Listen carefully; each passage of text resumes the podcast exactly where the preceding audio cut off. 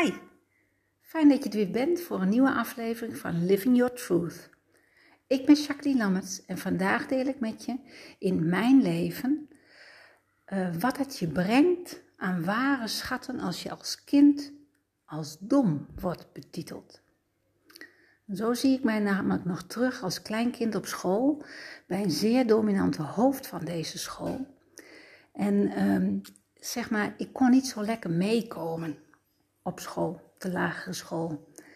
En toen ik van deze school afging, zei deze goed bedoelde man tegen mijn moeder: Tja, Jacqueline, stuur haar maar naar de huishoudschool en dan zo snel mogelijk aan de man.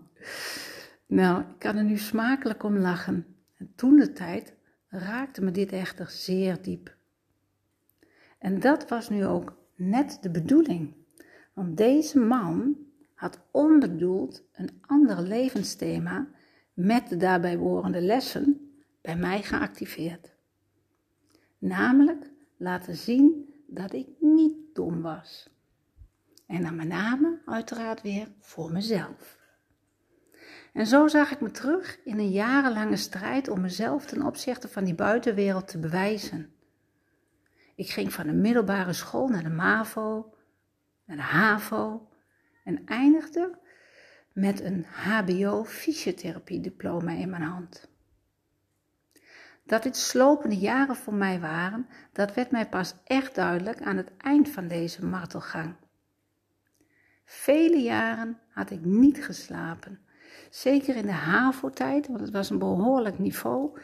Voor mij um, heb ik gewoon niet veel geslapen. En dat doordat ik te hoog de lat voor mezelf had gelegd, jarenlang. En pas toen ik mijn scriptie fysiotherapie indiende te leveren, liet ik deze voor de zekerheid controleren door iemand. En toen ik de scriptie de volgende dag bij deze man kwam ophalen, toen keek deze man me met liefdevolle ogen aan en zei de legendarische woorden: Ach, lieverd, wat heb jij het zwaar gehad? Ben jij je wel bewust dat je dyslectisch bent?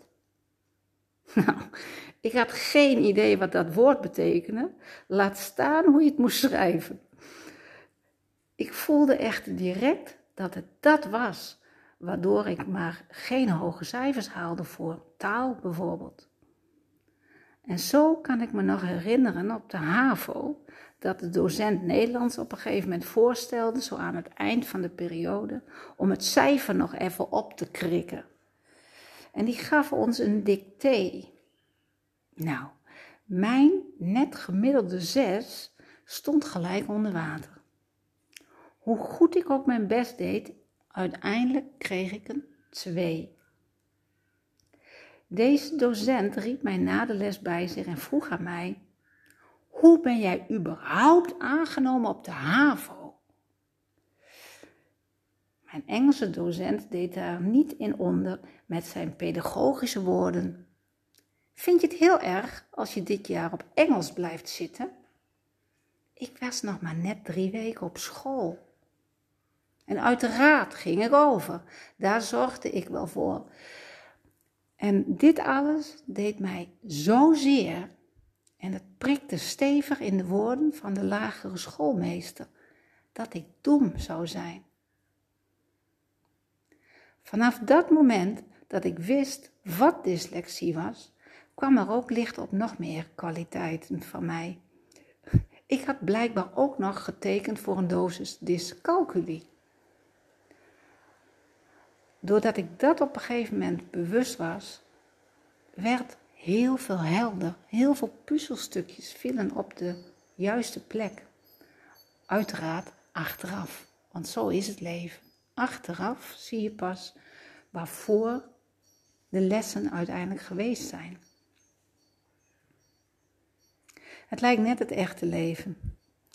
En wat voor een prachtige kwaliteiten heb ik hierdoor, door deze ervaring, nu ontwikkeld in de loop der jaren?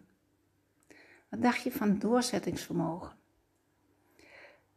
Het was een hele weg voor mij om van de middenschool uh, door te gaan naar de MAVO en van de HAVO naar de um, fysiotherapie te gaan. Als je bedenkt dat de fysiotherapie zeer veel Latijns heeft, het hele lichaam en alle botjes en spiertjes en alles wat je daar moet leren is Latijns. Wat ik daar wel niet voor heb gedaan, ik heb jarenlang heb ik ehm, op mijn kamer gezeten met allemaal papier en een pen en alle woordjes, ook voor Engels en ook voor Duits en ook voor Frans. Dat was helemaal een, een hel op aarde. Uh, omdat je ze anders uitspreekt dan je ze schrijft. Nou, dat begrijpt iemand met dyslexie al helemaal niet. Um, ik heb ze allemaal uitgeschreven. Papieren vol. Mijn moeder die heeft containers weggegooid met papier, met proppen papier waar ik elk woord keer op keer moest uitschrijven. En zo heb ik langzamerhand ook mijn schrijfvaardigheid ontwikkeld, denk ik. En, uh, maar uiteindelijk uh, heeft het me heel veel gebracht. Dus niet alleen die doorzettingsvermogen, maar ook het focussen. En me niet laten tegenhouden door ogenschijnlijke beperkingen. En, wellicht nog heel belangrijk, me niets meer aan te trekken van die buitenwereld en wat zij denken van mij te vinden. Bleek dus achteraf dat ik geheel niet dom was. Het had veel meer te maken met onbewustheid en niet alleen van mij. En blijk ik hier nu juist te zijn om mensen wakker te maken, om bewust te maken.